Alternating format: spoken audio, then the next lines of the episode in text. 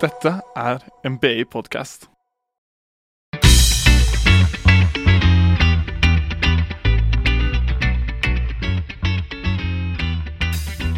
Ja, da er vi i podkaststudio og skal snakke om eh, tannleger og ledelse.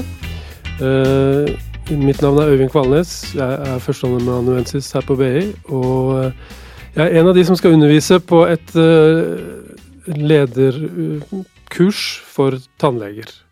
Og i studio i dag er eh, også Tord Mortensen, min kollega, og Mats Holmelid, som har bakgrunn fra tannhelse som tannlege. Og vi skal snakke om eh, ledelse og tannlegegjerningen, eller tann, tannhelse. Um, så vi kan gjerne ta en kort eh, runde og, hvor vi hører litt mer om hvem eh, folk er. Så Mats, kan du si litt mer om din bakgrunn? Det skal vi se om vi ikke får til. Jeg er, heter jo da Mats Holmli. Jeg er utdannet tannlege ved Tannlegehøgskolen i Oslo. Hadde min førstegangstjeneste i Forsvaret som tannlege og blei værende der i ettertid. Um, og da er det jo slik at um, først, første, Selv førstegangstjenesten så jobber man jo 100 og er der 100% men når man blir ansatt etter det, så jobber man der kun 50% Og da fylte jeg opp resten av tiden ved å jobbe litt privat. Og jeg var uh, instruktør ved Tannlegehøgskolen i Oslo igjen. Um, senere så fikk jeg jobb i den offentlige tannhelsetjenesten i Oslo. Først som seniorkonsulent og senere seksjonsleder. Det var da to helt administrative stillinger, så da jobbet jeg ikke klinisk lenger. Og etter det igjen så har jeg fått meg jobb i konsulentselskap som heter Deloitte. Og jobber da fullt og holdent med helseprosjekter og som prosjektleder. Takk skal du ha. Velkommen hit. Takk, takk.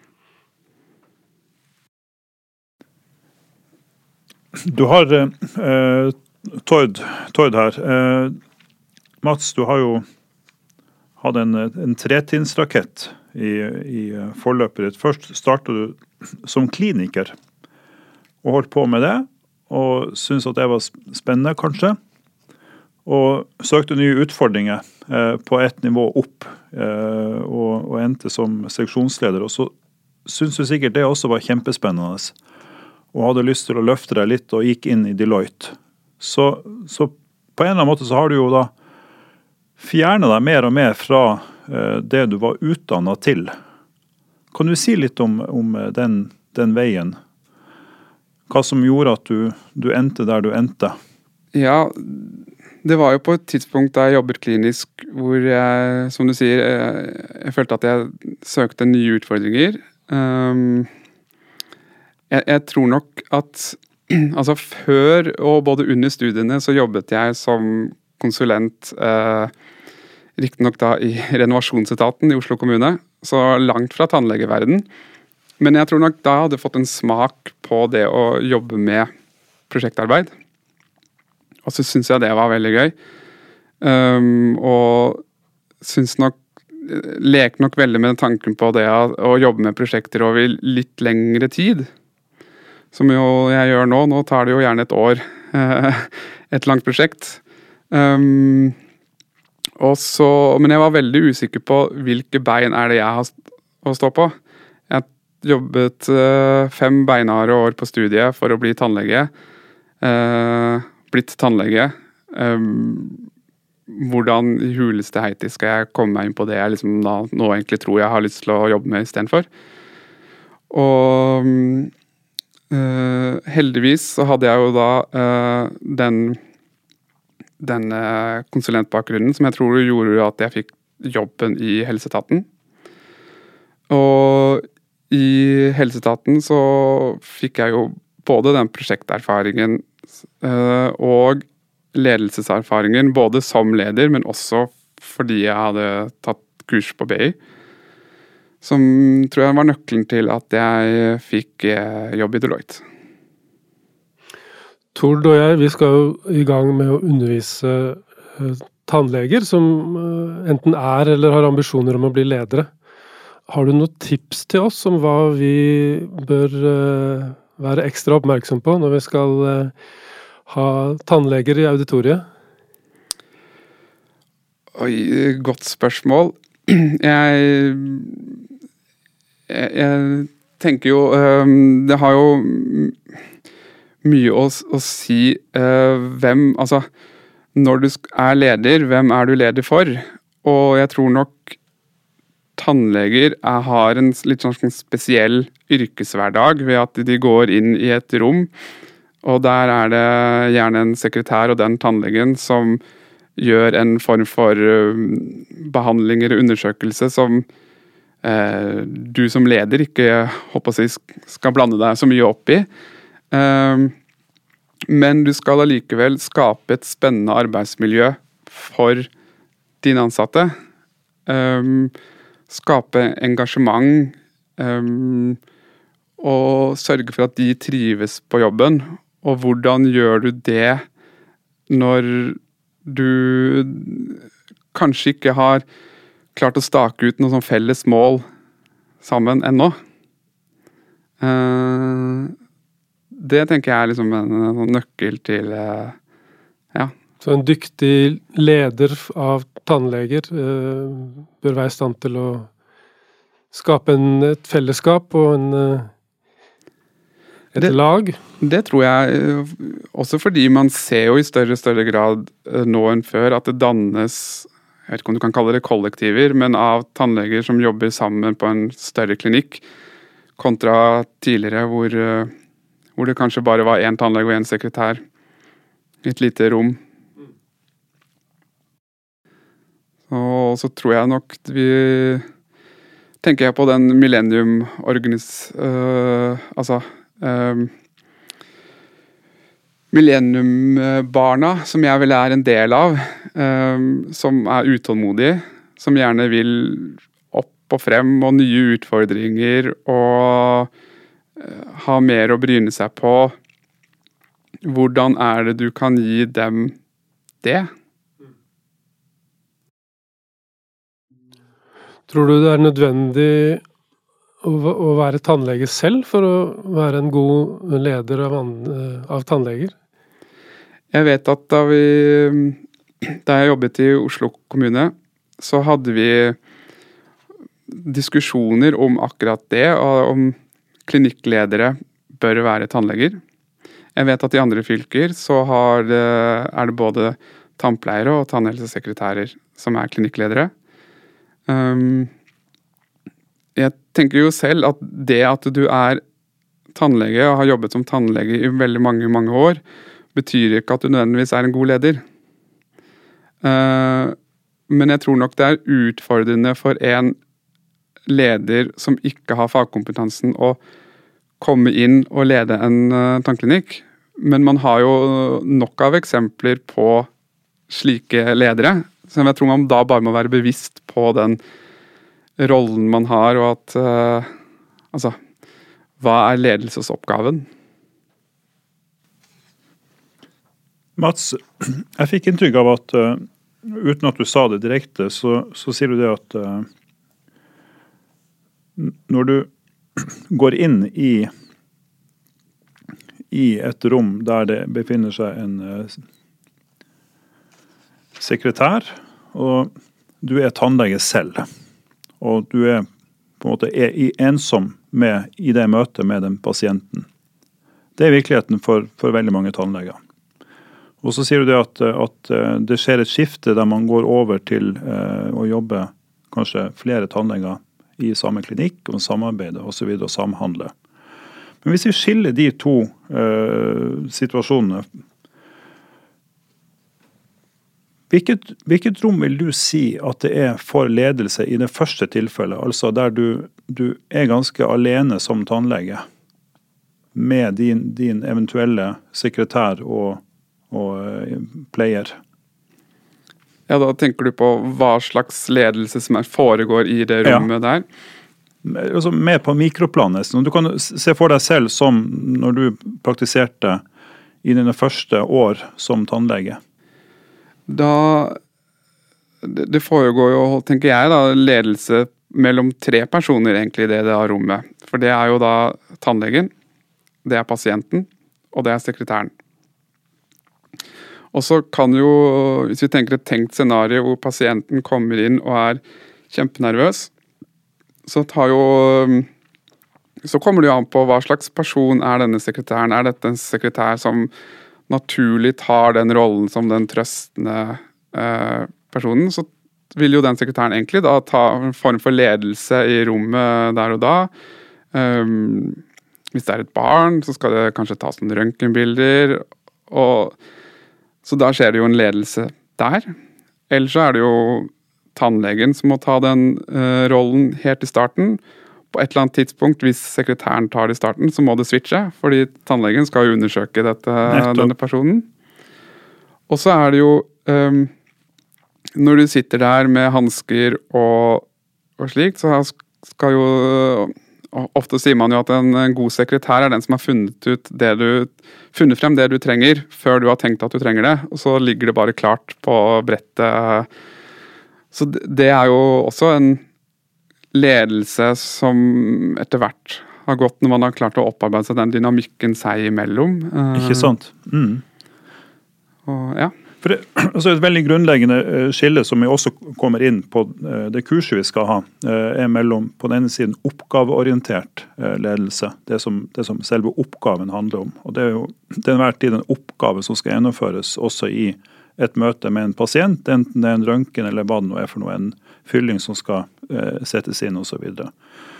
Men så er det også det du er inne på, dette med relasjon. Du leder på den relasjonelle siden også. Eh, hvor tror du de, altså Hvis du ser på din erfaring med både når du var i Oslo kommune, men også når du var som tannlege selv, og når du har veileda studenter, hvor vil du si at den største utfordringa er i forhold til å bli bedre på to veldig grunnleggende lederferdigheter? da. Den ene er oppgaveorientert, den andre er relasjonsorientert. Og nå tenker jeg liksom på, på grunnplaner, da, når du i møte med pasienten. Oi, stort spørsmål. Uh, jeg tenker på den relasjonsledelse, så er det jo uh, Det er jo lite som er så intimt som det å åpne munnen og at noen skal inn i noe som egentlig er veldig privat. Så jo, du må skape en trygghet hos pasienten. Uh, du må vise empati. Uh, og av og til så kan, har du en dårlig dag selv, så kan det være utfordrende. Det å, altså, du gir veldig mye av deg selv som, som tannlege. Og jeg vet, vet det er veldig mange som syns den biten er veldig slitsom. Um, og eh, så kommer det jo veldig an på settingen. Man kan jo diskutere Altså, gjennom hele studiet så har man jo f.eks. snakk om disse som har ordentlig tannlegeskrekk. Og da kan jo et møte være at eh, i dag skal vi bare øve på å sette bedøvelse, vi skal ikke gjøre noe mer. Og så er det et mål som man da har satt for den timen. Og det høres jo veldig rart ut å sette bedøvelse uten å gjøre noen behandling, men det er jo det for oss at pasienten skal si at ja, dette er ok, kanskje tør vi å gå litt videre neste gang. Um, som du må tilpasse situasjonen der og da. Og ja. Jeg syns det er kjempespennende, fordi at, at, det du sier, det er jo at altså, i sitt innerste vesen så er jo selve møtet med pasienten egentlig en type ledelses, uh, et ledelsesmøte der det utøves ledelse. Og når du da beveger deg lenger opp i, i og med at du har vært på forskjellige nivå, da, så er du jo egentlig ledere for ledere. Du leder le, eh, folk som utøver ledelse i, i fronten, da, så å si. Så hvordan klarer du da som leder av de som er i fronten, altså tannleger og, og, og pleiere, å bli bedre ledere? Så du leder for å utvikle bedre ledere.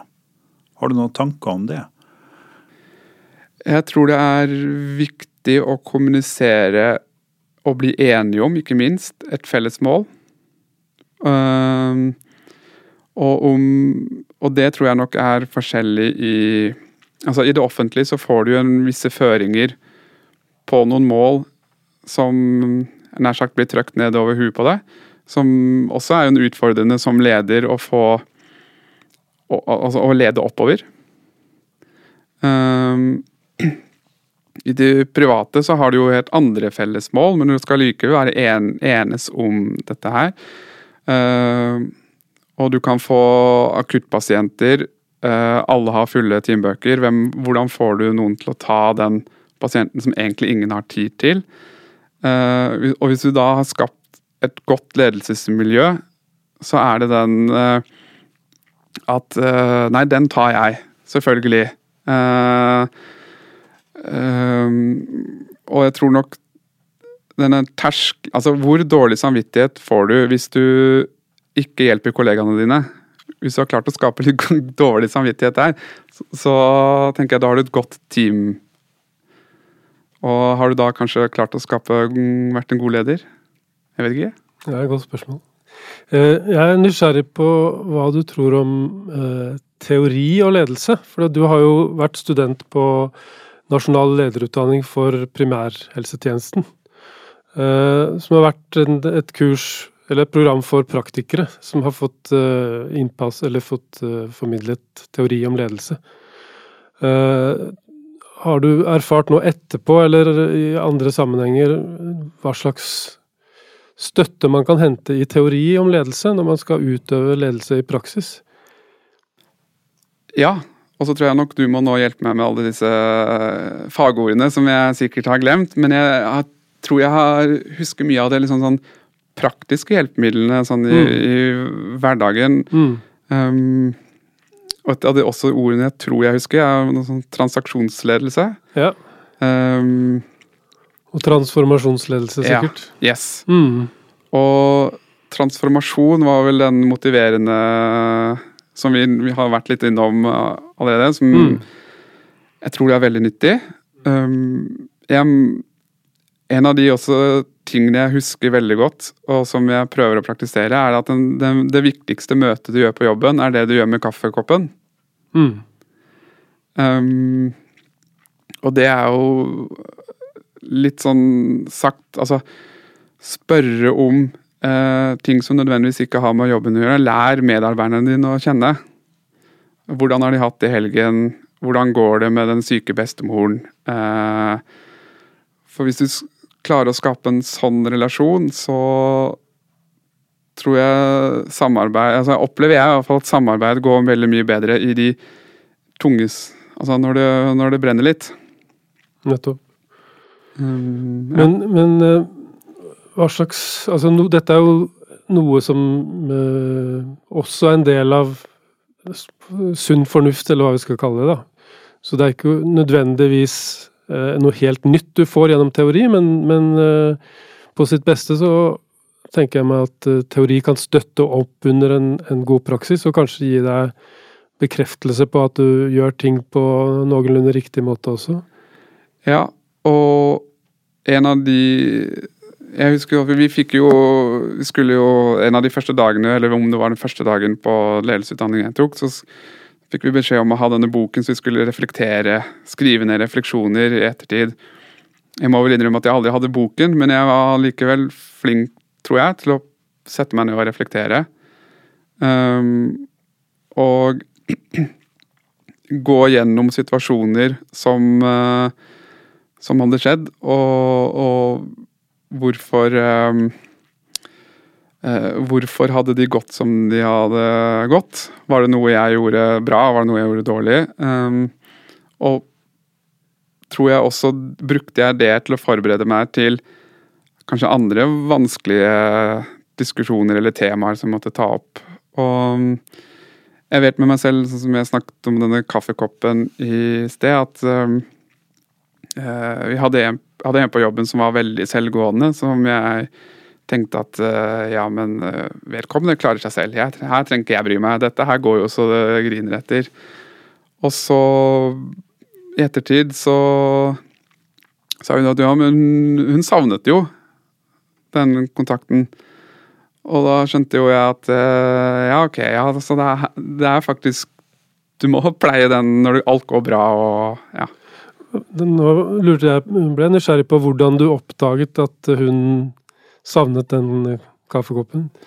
Var det noe hun tok initiativ til, eller var det noe du tilfeldigvis oppdaget? Eller? Nei, jeg tror dette var, hvis jeg husker helt rett, så var dette et, mm, et um, møte hvor det kom opp i samtalen. Um, og jeg tror det liker jeg tro, i hvert fall, at det kom opp fordi vi hadde klart å skape et miljø hvor det var enkelt å ta opp og prate om sånne ting. Um, men uh, jeg fikk selv i hvert fall en sånn aha-opplevelse da. Mm.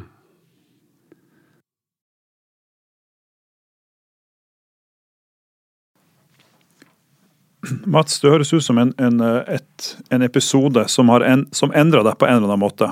Eh, endra perspektiv, eller eh, Hvis du skulle plukke, plukke Hvis du ser tilbake på livet ditt, og nå skjønner du at jeg er psykolog, så Og det kan gjerne være fra, fra før du ble tannlege, men, men har du noen hendelser du, du kunne dele med oss som, der du sier at der endra jeg meg som leder.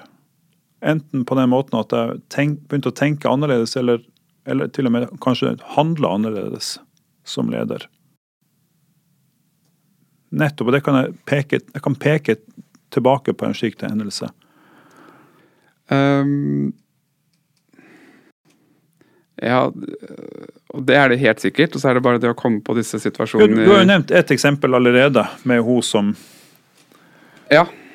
Det, uh, jo, jeg tror nok også uh, uh, Vi hadde jo ledelsesutdanning i, i Forsvaret også. Um, og, og, når man kommer som vernepliktig akademisk befal, som det heter, inn i Forsvaret, så er det jo Det er en drøss med tannleger, leger og det var noen prester her også, var det vel, og jurister men i all hovedsak eh, veldig mange alfapersoner som eh, i tre måneder skal løpe rundt i skogen og jobbe i team. Og det er ikke alltid like lett når eh, alle er like sta og alfa. Så, og vårt team gjorde vel fryktelig dårlig på disse samarbeidsmøtene. Og oppgaver vi fikk hvor vi skulle samarbeide og om det var eh, en eller annen oppgave ute i skogen, eller om det var å bygge høyeste tårnet med, med marshmallows og spagetti, så gikk det åt skogen hver gang, nær sagt. Um, og da husker jeg veldig godt at uh, vi skulle ha øvelse i, i powerpoint-fremvisning. Uh, hvor jeg fortalte om uh, hvordan jeg tidligere har studert marinbiologi på land. Jeg har aldri studert marinbiologi på land. Jeg presenterte da hvordan uh, vi fraktet en delfin fra en dyrehave til en annet, alt vi måtte passe på. jeg skal ta lang historie kort, men Og så ga jeg dem data til kongepingviner og hvordan de skulle diskutere seg frem til hvordan de skulle frakte denne her fra en eller annen dyrehage til den. Og det samarbeidet gikk som vanlig åt skogen, men da avbrøt jeg det midt i. Og så sa jeg sånn Stopp, stopp en hal. Nå blåser vi. Jeg har aldri studert marinbiologi på land. Uh, jeg um, Dette var en øvelse for å se hvordan vi samarbeider. Nå har vi nettopp hatt den diskusjonen. Hva er det vi gjør feil? Hva skal vi gjøre bedre? Og da fikk vi satt fingeren på liksom akkurat i situasjonen. Hva var det vi gjorde feil, og hva var det vi kunne gjøre bedre? Og jeg opplevde iallfall selv at neste gang da vi var ute i skogen, og jeg husker ikke hva oppgaven var, men at uh, det gikk fryktelig mye bedre. Det er spennende. Hvordan kom du på ideen om å, å skape det bruddet der som du beskriver nå, egentlig? At du skulle utfordre de andre på den måten? Nei, var det puben på kvelden? Nei, altså Jeg, nei, jeg er uh, Godt spørsmål. Jeg, bare, jeg, jeg, vet Husker bare at um, jeg lurte fælt på hva jeg skulle presentere. For man skulle jo mm. egentlig få oppgave å presentere noe du Altså en hobby eller noe sånt noe. Um, jeg syns det var frustrerende at vi gjorde det så dårlig som lag. Um, og så prøvde jeg å liksom Ja, hvordan kan, vi, kan, jeg slå dette sammen? Og så tror jeg jeg bare drev og drodla for meg selv og fikk den ideen. Om det var bra eller dårlig, det, ja. Men det var en plan du la i forkant? Det var en, da var det en plan jeg la i forkant. Ja. Så kanskje det er noe allment uh, å trekke ut av det, en slags lærdom at, uh, at, det er bra å utfordre praksisene som eksisterer, da? Eller hva tenker du, Torn? Ja, altså, det er jo en, uh, no, noe som Vi har jo møtt en del tannleger og snakka med, med, tannleger om, om ledelse. Og, og, et tema som kommer opp stadig vekk, det er å Og det er ikke noe spesielt for tannleger at tannleger sier det, men det er dette med at vi, vi er nokså spesielle, vi eh, som tannleger. Eh, og, og det, I de aller fleste profesjonsutdanna eh, menneskene du møter, så, så, vil de nettopp si det, at vi, vi, er, vi er, spesielle. Eh, og, som gjør at også dette med ledelse blir litt spesielt for oss som er tannleger. Eh, og når du kommer med det eksempelet, så, sier, så bruker du faktisk begrepet alfa Eh, og det er da akademikere som er profesjonsutdannet som er samla. Som er mer alfa, sier du. Eh, og ikke så veldig flink på team. Altså samarbeid i team. I hvert fall var ikke vi det. men, men, men så veldig mye av det du sier, peker jo i egentlig retning at, at eh, du tror på en ledelsesform som, som, som er mer, mer, samhandlingsorientert, da. Er det riktig oppfatta? Ja. Hvordan vil du si at det står til med i tannhelsetjenesten på altså Du har jo en situasjon der, der du har folk som er utdanna tannleger, og som har, dermed har høyere status, så er på et kontor med eh, folk som har lavere eh, utdanning, kortere utdanning. Hvordan eh... Jeg og dette er jo min teori, men jeg, jeg innbiller meg at den forskjellen man ser i utdannelse mellom f.eks. en tannlege eller en sekretær, uh, ikke er så viktig for den yngre generasjonen. At det er noe uh, som kanskje spilte mer rolle i, i gamle dager, nær sagt. Um, i hvert fall har aldri jeg tenkt på at uh, Ja, men jeg er jo tannlege, så dette Dette skal ikke hun blande seg i, eller uh, Og er det ikke sånn du typisk ser på film, at uh, det kommer en eller annen sånn smart sykepleier, og så lærer hun legen at uh, Ja, men har du ikke tenkt på det? Uh, og så Jeg tror man skal være ydmyk for at det, det fins personer som kan ting du ikke kan, selv om man er utdannet og, innenfor det området. Mm. Og spesielt hvis denne personen har mye mer erfaring enn det du har.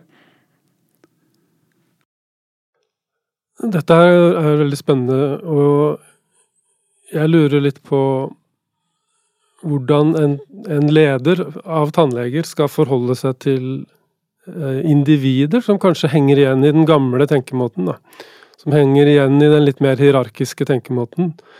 Eh, er det rimelig å forvente og kreve at en sånn person skal endre seg? Og så si at nå jobber du på et sted hvor vi skal, vi skal ha mer lagarbeid, og du må lytte mer til eh, til eh, de som ligger, er i og for seg lavere rangert enn deg, for de kan ha mye smart å si til deg. Hvis en person øh, kvier seg for å gjøre den endringen, øh, hvordan skal en tannlegeleder forholde seg til det, tenker du? Ja øh, Det finnes vel ikke noe fasitsvar som jeg vet om. Nei. Men altså, jeg spør først om, om det er rimelig å forvente. Og, og det syns jeg at det er. Det er men, rimelig å forvente at de er villige til å endre seg? Ja. ja. Uh, men det er ikke sikkert at de selv uh, er enig i det i starten. Nettopp. Um, Men jeg tror nok Altså, som leder, så, og hvis du har en sånn person på, på, kontoret, så er det en av de utfordringene du må hanskes med. Og så um, vil jo det uh, tenker jeg kommer helt an på hva, altså, hvordan den personen er, men altså det er noe som må adresseres. Mm. Og hvis det ikke adresseres og får lov til å fortsette, så tenker jeg altså det er en lett utvin, utvei for lederen der og da, men i det lange løp så er det ikke, så er det ikke bra. Mm. Men uh, som leder så er det jo av og til litt fristende å, å la sånne ting ligge, fordi det nettopp er utfordrende. Ja. Hvis du, for å fortsette langs den uh, tråden som vi har Eh, lagt ut der, eller som du legger ut der, og spole litt tilbake til eh, noe du sa i begynnelsen, så sa du det at eh, du har beveget deg dette, dette prosjektgenet ditt er veldig sterkt, og det syns du var veldig gøy. Så det har på en måte drevet deg i dine valg. Og så, og så lurer jeg litt på, hvis du skulle gå tilbake nå og blitt og gått inn i klinikk igjen, og Sett nå at eh, du går inn i det private, og du skal, du skal lage din egen klinikk. Hvordan ville du gå frem da? Og da tenker jeg på, Nå, nå er, du, er, du, prosjekt for en ny bedrift der du er leder selv. Hva ville du legge vekt på? Uh, ja uh, Hvis premissene er jeg skal lage en ny privatpraktiserende klinikk, den skal være ti rom Eller har ti tannleger om bord. Um, eh, så ville jeg nok forsøkt å samle eh, en del spesialiteter under samme tak. Um, Allmenntannleger. Eh, og gjerne også en uh, tannpleier, så vi har de ulike spesialitetene. Og kunne få satt opp eh, altså Ikke bare da, sånn som jeg snakket om, fått til det gode miljøet og den biten der. altså eh, Jobbet for og fått felles mål. Jobbet for å kunne få faglig kompetanseoverføring. Eh, om det være seg at man eh, en gang i måneden eller i noe slikt noe tar opp et case, noen har ansvar for det. Um, jeg tror det også er veldig viktig uh, i tannlegeverdenen hvor, hvor uh, det å gjøre feil har litt, ofte litt større konsekvenser enn det å Hvis jeg glemmer å sende en mail tidsnok, så er ikke det nødvendigvis uh, krise. Med mindre det er et offentlig anbud som vi bommer på. Så, så, så men det å også da kunne tørre å snakke om de feilene man gjør, tror jeg er kjempeviktig. Um, å skape et miljø for det. Um, og jeg syns liksom noen av de beste historiene jeg hørte, spesielt under studiet hvor man føler, tror jeg, sånn Alle er så himla gode. Og når du da hører om en eller annen som har klart å skikkelig dritt seg ut, og forteller om det med sånn humor og selvironi, så er det så deilig. Ja, en av de tingene vi vil tematisere i kurset, er jo nettopp det du beskriver. og det, det er et begrep som heter psykologisk trygghet. Det er også at det der oppleves at dette fellesskapet her er så trygt at jeg kan fortelle om feilene mine. Og det handler jo også om hva slags ytringsklima som eh, en leder er med å etablere. da. Eh, men det er krevende. og Har du noen erfaring med hva som skal til for å skape en sånn trygghet? Hva er det som, eh, hva, slags, hvilke grep kan en leder gjøre for å, for å skape trygghet til at uh, folk tør å dele de historiene og tør å fortelle at de har dumma seg ut noen ganger? Lederen må jo for det første gjøre det selv. Altså gå foran med et godt eksempel. Uh, som et dårlig eksempel, holdt jeg på å si, ved at man har gjort feil. Um, og så er den uh, tenker jeg også Når man setter rammen for når det skal fortelles, eh, slik at eh, når den, den Det som har gått galt, blir fortalt om at ikke den personen blir, blir hengt ut på noen måte, men at man heller snakker om eh, Altså lager trygge rammer rundt det. og det er ikke noe galt med å prate om hva er det som blitt, kunne blitt gjort annerledes, men ikke gjøre det på en måte hvor, slik at den personen blir hengt ut. Um, ja. Så du har jo fulgt et, eh, et, eh, et program med lederteori, og vi skal, Tord og jeg skal snart i gang med å undervise en eh, gjeng med tannleger som skal få lederteori. Er det, og flere av dem hører på det vi snakker om nå, så jeg lurer på om du har noen råd til de som nå etter hvert blir våre studenter? De som da skal eh, sette av tid til å studere, lese, eh, gjøre seg kjent med teori og anvende det inn mot praksis. Er det noen eh, råd til dem fra deg? Jeg tror nok det fremste rådet jeg har, er å reflektere over eh, situasjoner som du havner i i dagen. Altså faktisk bruke tid på Jeg gjorde det da jeg la meg på kvelden. La hodet på puten. Så lå jeg og tenkte over og liksom reflekterte over, uh, over situasjonene. Jeg tror Det er nok den, min alles, all, mitt aller største tips. Mm. Um, fordi, for det første da, så Da husker du det så mye bedre neste gang du kommer i en lignende situasjon. Uh, og kanskje uh, er den reaksjonen som ligger i ryggmargen din uh, Klarer man å justere litt på den, så den, det går bedre neste gang, f.eks. Um, og så er det jo det at i en travel hverdag med jobb og, og altså utdannelse i tillegg Eh, noen har sikkert kone og barn, og når skal man få tid til å lese all denne litteraturen? Men faktisk ta seg tid til å lese den litteraturen. Og igjen reflektere over hva som står der. Um, tror jeg er nyttig. Det første rådet ditt eh, med å reflektere over egen praksis, er det noe du gjorde før du eh, tok lederutviklingsprogrammet, eller er det noe du kom på da? Fordi jeg tror det faktisk er en av hovedbudskapene herfra også.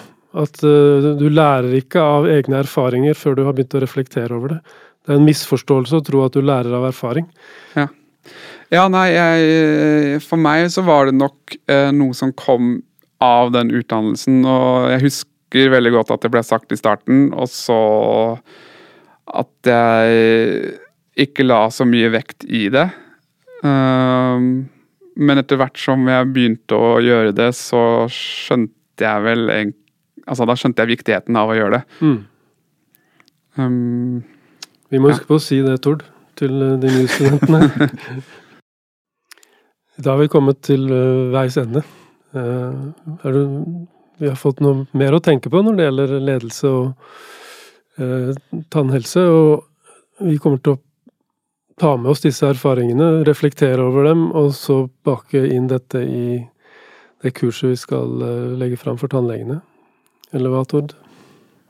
Veldig bra. Eh, veldig tankevekkende å, å, å høre, høre, dine refleksjoner rundt, eh, rundt, ledelse. og Jeg er sikker på at vi kunne fortsette denne samtalen. Bare det, den måten du, du, svarte på Du nettopp eh, ga meg ti nye spørsmål, eh, selvfølgelig. Eh, men tiden er også en ramme som vi må forholde oss til. Så jeg tror vi bare runder det hele av. Tusen takk for at du tok, tok deg tid til å dele av dine tanker. Takk for at jeg fikk komme. Ja, takk skal du ha.